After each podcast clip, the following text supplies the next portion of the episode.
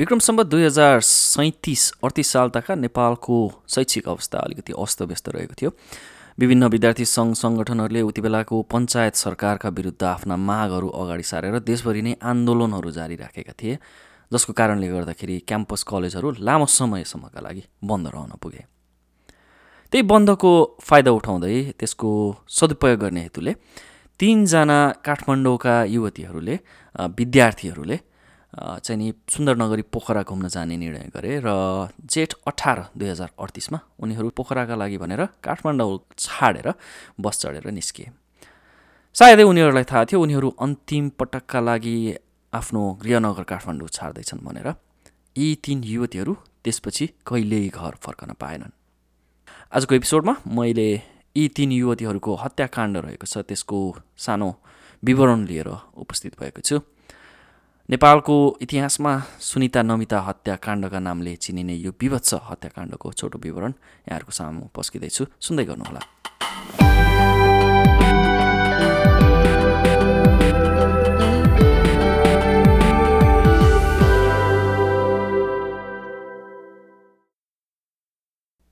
त जेठ अठार गति चाहिँ नि यी तिन किशोरीहरू पोखरा जानका निमित्त काठमाडौँ छडेर निस्किए अब त्यो उमेरका किशोरीहरूलाई चाहिँ नि पोखरा त्यसरी जान दिनको लागि बाबाआमालाई अलिकति they probably didn't feel right तर पनि सुनिता नमिताका काकाका छोरा बल्लभ भण्डारी चाहिँ नि उनीहरूको साथमा जाँदै थिए। उनी चाहिँ नि पोखरामा बगालेटोल भन्ने ठाउँमा डेरा गरेर बस्थे। सो तसर्थ उनकै संरक्षणमा चाहिँ आफ्ना छोरीहरूलाई चाहिँ नि जान दिने अनुमति सायद उनीहरूका अभिभावकहरूले दिएको हुनुपर्छ। So they left and they made it to Pokhara दुई साढे दुई बजीतिर पोखरा पुगे उनीहरू. त्यसपछि सुनिता र नमिता चाहिँ नि आफ्नै दाजुको घरमा डेरामा बगाले टोलमा बसे भने निरा चाहिँ नि आफ्ना काकाको घर जुन बिन्दवासिनी मन्दिरको नजिकै रहेको छ। बेलुकी उनी त्यहाँ गएर बस्ने गर्थिन्। भोलिपल्ट बिहानै उठेर निरा आउँथिन् अनि त्यसपछि उनीहरू तिनजना। अझ निराको काकाका छोरा उति बेला तेह्र वर्षीय भुवन भनिने उनलाई पनि लिएर घुम्न जान्थे। उनीहरू पहिलो दिन चाहिँ नि पूर्णिमा चलचित्र मन्दिर जुन बगाले टोलबाट नजिक रहेको छ न्यु रोड भन्ने ठाउँमा। त्यहाँ गएर सञ्जीव कुमार र जयाबहादुरीको कोसिस भन्ने चलचित्र उनीहरूले पोखरा पुगेको अर्को दिन हेरेका थिए। त्यसपछि उनीहरू अर्को दिन फेवाताल घुम्न निस्के। त्यसपछि चाहिँ नि के भयो भन्दा भुवनको निराका काकाका छोराको चाहिँ इक्जाम आइरहेको हुनाले he was not going with them any more त्यसपछि बल्लभ पनि आफ्नो काम विशेषका कारण स्याङ्जाका लागि निस्के। तसर्थ यी तिन युवतीहरू अब उनीहरू तिनजना मात्रै पोखरा वरपर रमाइरहेका थिए। उनीहरू कहिले निराका सानी आमा कहाँ बगर पुग्थे भने कहिले चाहिँ महेन्द्र पुल चिप्लेढुङ्गा गर्दै पोखराका बजारहरू घुमिरहेका थिए। चौबिस गते भने they decided to go to Begnas Tal Begnas Tal जाने योजना बनाएर उनीहरू चौबिस गते बिहानै निस्किए। त्यसपछि अन्तिम पटक उनीहरूलाई महेन्द्र पुलमा देखिएको थियो। त्यहाँबाट भने उनीहरू गायब भए। त कहानी यहाँबाट सुरु हुन्छ।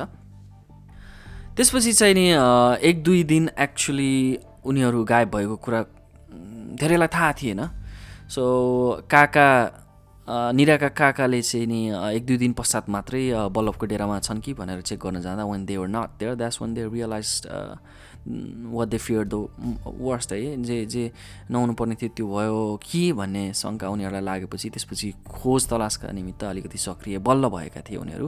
त्यसपछि he called back to Kathmandu Madhavraj भण्डारीलाई call गरेर चाहिँ नि छोरीहरू आएको नआएको कुरा बुझ्दा उनीहरू काठमाडौँ पनि नगएको थाहा भएपछि चाहिँ नि समथिङ वर्स्ट हेभ ह्यापन भन्ने भयो। त्यसपछि खोज तलास अलिकति सक्रिय तवरले खोज तलास गर्न उनीहरू लागे माधवराज भण्डारी उन्तिस गते जेठमा आफ्नी श्रीमती र निराकी आमालाई लिएर पोखरा एयरपोर्ट आइपुगे। पोखरा एयरपोर्टमा आइपुग्दा नपुग्दै चाहिँ नि एउटा खबर आयो सेती बगरमा एक युवतीको लास भेटियो भनेर। लास शनाखत गर्नको निमित्त चाहिँ नि उनी गण्डकी हस्पिटल जुन सेती बगरको नजिकै रहेको छ एक्चुली त्यहाँ पुगेर उनीहरूले आफ्नी कान्छी छोरी नमिताको लास देख्ने बित्तिकै ठम्माइहाले त्यसपछि भने दुई परिवारका यी अभिभावकहरू नातागोताहरू सबै त्यसै नै दुखी थिए दुखी त छँदै थिए त्रसित पनि थिए अरू दुईजना छोरीहरू कहाँ छन् भनेर खोज्नुपर्ने भयो। त्यसको पाँच दिन जति पछाडि चाहिँ नि अर्को लास भेटियो सेती बगरमा जहाँ नमिताकी दिदी सुनिताको लास चाहिँ नि भेटिएको थियो। त्यहाँ पुगेर हेर्दाखेरि अर्की छोरीको लास देख्न पुगे माधवराज भण्डारीले। र उनको लास पनि पोस्टमार्टमको लागि लगियो। न पोस्टमार्टममा चाहिँ नि there there is something suspicious going on यो यो चौबिस गते भएको जुन घटना छ नि त्यसपछि चाहिँ नि लर थिङ्स ह्यापेन्ड कि हरेक मोडमा चाहिँ नि नयाँ सस्पिसियस कुराहरू भइरहेको थियो। एकदम शङ्कास्पद गतिविधिहरू पोखरामा भइरहेका थिए। भन्न खोजेको के भने यो घटनालाई चाहिँ नि लुकाउन दबाउन यसका अनुसन्धानलाई दबाउन चाहिँ विभिन्न क्रियाकलापहरू भइरहेको कुरा अनुभूति हुन्थ्यो त्यति बेला।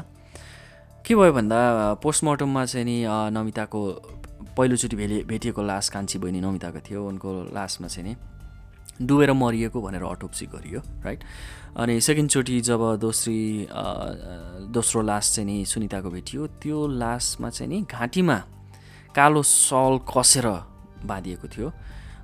तल अन्डरवेयर बाहेक केही पनि थिएन र उनका शरीरमा चाहिँ नि चोटका दागहरू रहेका थिए। So she was declared death by asphyxiation भनेको सास फेर्न नसकेर मरि भनेर अलिकति निज तवरको भाषा प्रयोग गरेर चाहिँ नि लेखिएको छ। तल्लो तल्लो स्तरको भाषा प्रयोग गरेर लेखिएको छ। सो माधवराज भण्डारीका यी दुई छोरीहरूको यसरी लास भेटियो। अब निरा कहाँ छिन्? निराको खोजीमा अझै पनि अनुसन्धानहरू भइरहेका थिए अथवा अनुसन्धान भइरहेको अनुभूति जनतालाई दिइएको थियो। अनि देशभरि नै यसरी तिनजना घुम्न गएका युवतीहरू चाहिँ नि बेपत्ता पारिए दुईवटा लास भेटियो भन्ने जुन हल्ला खल्ला चाहिँ नि एकदमै परालको आगो जस्तो फैलिरहेको थियो। अनुसन्धानका माग गर्दै विभिन्न नारा जुलुसहरू देशभरि सुरु हुन थालिरहेका थिए। तर पनि प्रहरीको सक्रियता चाहिँ नि अलिकति न्यून देखिरहे रहेको थियो। मुचुल्का गर्दाखेरि जे जे लेखिएको थियो लास उठाउँदाखेरि चाहिँ नि क्राइम स्पटमा जे कुरा लेखिएको थियो त्यो कुराभन्दा चाहिँ नि पोस्टमार्टममा आएको कुरा अलिकति भिन्न थियो कि। तसर्थ त्यहाँ शङ्काको दृष्टिले हेर्नुपर्ने कुराहरू चाहिँ यो घटनामा धेरै रहेका छन्। असार तिन गते अर्को एउटा शङ्कास्पद घटनाको बारेमा म तपाईँलाई जानकारी दिन चाहन्छु। There was someone else was killed as well वन विभागमा काम गर्ने एकजना कर्मचारी रहेका थिए चुनामणी अधिकारी। उनले यो घटना प्रत्यक्ष रूपमा देखेको हुन सक्ने कुरा अगाडि आएपछि चाहिँ नि माधवराज भण्डारी अनुसन्धानका लागि आफै अग्रसर भएर चाहिँ नि उनलाई भेट्नको लागि वन विभागमै पुगे अनि वन विभाग गएर उनका हाकिमसँग कुरा गरेर उनलाई लिएर उनी चाहिँ निस्किए त्यो दिनमा। निस्किएर सहकारी क्षेत्रीय सहकारी कार्यालयमा गएर उनीहरू गफ गरिरहेका थिए भन्ने कुरो आएको थियो। त्यहाँ बसिरहेका बेला चाहिँ नि प्रहरीहरू आएर उनीहरू दुवैजनालाई उठाएर लिएर गए। प्रहरीसम्म यो कुरा पुगिसकेको थियो र उनीहरू दुवैलाई उठाएर लिएर गइयो। त्यो दिनमा के भयो कस्तो कुरा भयो अगाडि नआए पनि त्यस दिन बेलुकी भने उनी उनीहरू दुवैजनालाई छाडियो। अनि चुडामणिलाई चाहिँ नि भोलिपल्ट दस साढे दस बजीतिर हाजिर हुन आउने गरी लिखित गरेर चाहिँ नि छाडियो। So Chudamani left Madhav Raj Bhandari left as well अनि भोलिपल्ट बिहान नौ साढे नौ बजीतिर चाहिँ नि चुडामणी हरेक दिन जसो पुल तरेर पारी गएनन् त्यो दिनमा चाहिँ नि उनी फुलबारी ब्यारेकतर्फबाट चाहिँ नि गइरहेका थिए प्रहरी कार्यालय जानको निमित्त सायद। अनि फुलबारी अगाडिबाट चाहिँ नि हि वेन्ट मिसिङ त्यहाँबाट उनी पनि गायब बनाइए। त यसबाट के पुष्टि हुन्छ भने चाहिँ नि there there are there were people are trying to यो घटनालाई चाहिँ अनुसन्धानलाई चाहिँ नि दबाउन खोज्ने एजेन्टहरू मान्छेहरू व्यक्तिहरू थिए त्यो बेलामा भन्ने बुझिन्छ। सो हि वेन्ट मिसिङ एकमात्र प्रत्यक्षदर्शी जसले यो घटना देखेको हुनसक्ने भन्ने जो थियो उनी पनि गायब भए। त्यसको केही दिनपछि त्यसको केही दिनपछि असार बाह्र गते चुडामणीको लास रामघाटमा भेटियो। त्यसपछि घटनाले अर्को रूप लियो। जो एकमात्र प्रत्यक्षदर्शी थियो उनीको पनि हत्या भएको कुरा चाहिँ नि आउँछ। यसलाई चाहिँ आत्महत्या भनेर पनि उल्लेख गरिएको थियो त्यो बेलामा। तर पनि the the crime scene didn't look look like it. के के भएको थियो भन्दा उनको चाहिँ नि शरीर कुहिएका हुनाले पोस्टमार्टम गर्न नमिल्ने भनेर त्यही पोस्टमार्टम गर्ने उति बेलाका डप डाक्टर कुमार शमशेर राणाले बताए। Right? So there is something suspicious going on right there as well उनको शरीरमा चाहिँ नि कोखमा एउटा त्यति बेलाको एक डलरको डबल भनेर लेखिएको छ। त्यत्रो पाल थियो अनि उनको पछाडि कोखमा चाहिँ नि अलिकति ठुलै भुवाङ परेको थियो। अलिकति ग्रुसम तरिकाले लुक्स लाइक हलो पोइन्ट बुलेटले चाहिँ नि उनलाई मारेको हुनसक्ने चाहिँ नि देखिन्छ। तर पोस्टमार्टम पछि त्यो बेलामा बडीको रिपोर्ट लेख्दाखेरि चाहिँ नि के लेखियो भने चाहिँ उनको गिद्धले खाएर चाहिँ नि त्यसरी शरीरमा घाउहरू भएको भनेर लेखिएको थियो right but but certainly wasn't so एकमात्र प्रत्यक्षदर्शीले आत्महत्या गर्नुपर्ने कारण थिएन। उनलाई चाहिँ नि पक्कै पनि मारिएको थियो। त यसरी दुई छोरीहरूको लास भेटेको केही दिन पश्चात एक प्रत्यक्षदर्शी दोष जसले माधवराज भण्डारीलाई दोषीसम्म पुर्याउन सक्थे। उनको पनि मृत्यु भयो हत्या भयो। र अब यो कहानीले अर्को मोड लिइसकेको थियो। अब त्यसपछि अनुसन्धानका लागि विभिन्न सङ्घ संस्थादेखि लिएर व्यक्तिहरूबाट मागहरू हुन थाले। अनि विभिन्न कथाहरू विभिन्न र्युमरहरू देशभरि नै फैलिन थाल्यो। न घटनाले गर्दाखेरि चाहिँ आन्दोलन ऱ्यालीहरू पनि काठमाडौँ पोखरा लगायतका ठाउँहरूमा आन्दोलन ऱ्यालीहरूको पनि आयोजना हुन थालेको थियो। दोषीहरूको कारबाहीको माग गर्दै।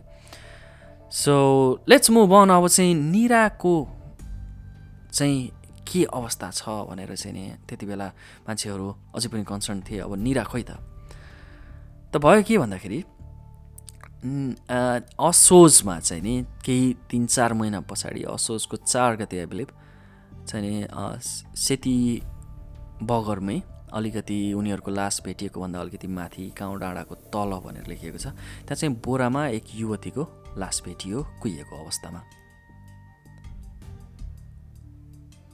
अब त्यति बेला डिएनए परीक्षण गरेर यो नै हो भनेर किटान गरेर भन्न नसकिए पनि त्यो लास निराको हुन सक्ने भनेर अनुमान गरिएको थियो। सो निरा ने सोरा पनि एउटा बडी भेटियो त्यही घटनास्थलकै नजिकै। त्यसपछि चाहिँ नि त्यसमा चाहिँ we can be pretty sure त्यो निराको बडी हुनसक्थ्यो भनेर राइट यसरी तिन किशोरीहरू जो काठमाडौँ छोडेर सुन्दरनगरी पोखरा घुम्नका लागि निस्किएका थिए उनीहरूको विभत्स हत्या भयो। त्यसैमा पेलानमा परेर मिचोमा परेर चाहिँ नि प्रत्यक्षदर्शी जो थिए चुनामणी अधिकारी उनले पनि आफ्नो ज्यान गुमाउन पुगे। यो घटनाको अनुसन्धान भएको जस्तो गरिए पनि त्यति बेला कोही पनि दोषी उप पत्ता लगाएर कारवाही हुन सकेन र कुरा आउँछ जेठ उन्नाइस दुई हजार अन्ठाउन्न। न स्योर तपाईँहरूलाई यो डेट पक्कै पनि थाहा छ। जेठ उन्नाइस दुई हजार अन्ठाउन्नमा दरबार हत्याकाण्ड भयो र दरबारका धेरैजसो साई परिवारका सदस्यहरूको हत्या भयो। अनि दस दिन पछाडि जब देश अझै पनि शोकाकुल अवस्थामा थियो सबै काम कारबाहीहरू ठप्प थिए त्यति बेला चाहिँ नि एउटा सरकारी काम कारबाही भने चल्यो। के गरियो भन्दाखेरि यो अनुसन्धान जुन मुद्दा रहेको थियो हत्याकाण्ड सुनिता नमिता निराको हत्याकाण्डको अनुसन्धानको जुन मुद्दा थियो त्यसलाई चाहिँ नि केस क्लोज गरियो जेठ उन्तिस गते दुई हजार अन्ठाउन्न सालमा। घटना भएको करिब बिस वर्ष पछाडि केस क्लोज गरियो। एकमात्र प्रत्यक्षदर्शीको पनि मृत्यु भइसकेका कारण भनेर त्यसरी चाहिँ नि अलिकति कुरामा घिउ दलेर चाहिँ नि पचाउनको लागि चाहिँ नि what they did was close the case and that was it कहिले पनि यसका दोषीहरू पत्ता लाग्न सकेनन्। Now I want talk about the suspects here सस्पेक्ट्सहरूमा उच्च पदस्थ मान्छेहरू माथिल्लो तहमा रहेका व्यक्तिहरूमाथि चाहिँ नि शङ्का गरिएको थियो। शङ्काको घेरामा पर्नेहरू को को थिए त भन्दाखेरि धीरेन्द्र शाह राजाका भाइ धीरेन्द्र शाह यस कलाकार निर शाह पनि शङ्काको घेरामा परेका थिए। त्यसपछि अर्का व्यक्ति छन् विनोद शङ्कर श्रेष्ठ। विनोद शङ्कर श्रेष्ठ चाहिँ को थियो भन्दा त्यति बेलाका पञ्चायतका सदस्य रहेका राम श्रेष्ठ एवं लाजिमपाडमा रहेको शङ्कर होटलका मालिक रहेका थिए राम श्रेष्ठ। उनका छोरा विनोद शङ्कर चाहिँ नि टोलमा अलिकति कुख्यात थिए। आवारा भनेर चिनिन्थे। उनी पनि यसमा चाहिँ नि संलग्न रहेको हुन सक्ने शङ्का गरिएको थियो। त्यति बेलाको एउटा पत्रिका राष्ट्र पुकार साप्ताहिकले चाहिँ नि के लेखेको थियो भने अपराधीहरू यिनै हुन् भन्ने कुरा आम जनताले अड्कल काटेका भए पनि भन्न नसक्ने नमिल्ने र भन्न जाँदा हत्याको शिकार हुनुपर्छ भन्ने डरले जनता तै चुप मै चुपको स्थितिमा रहेका छन्। प्रहरीको तदारुकता प्रचारमा मात्र सीमित छ भनेर यसरी चाहिँ नि राष्ट्रपुकार साप्ताहिकले यो यो लेख चाहिँ नि छापेपछि त्यो बेलामा चाहिँ नि यो पत्रिकामाथि नै प्रशासनले पुर्जी काटेको थियो। So so there were attempts to bury this right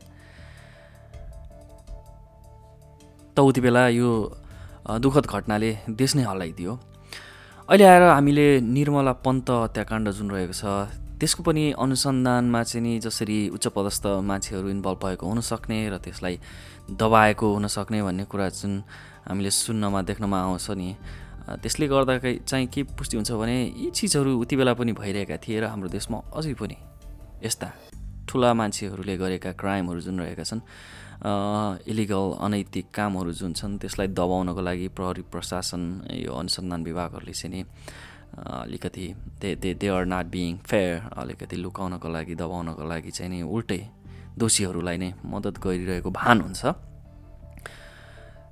त सुनिता नमिता यिनीहरूको हिस्ट्रीमा गएर हेर्न चाहन्छु म जाँदा जाँदै चाहिँ नि।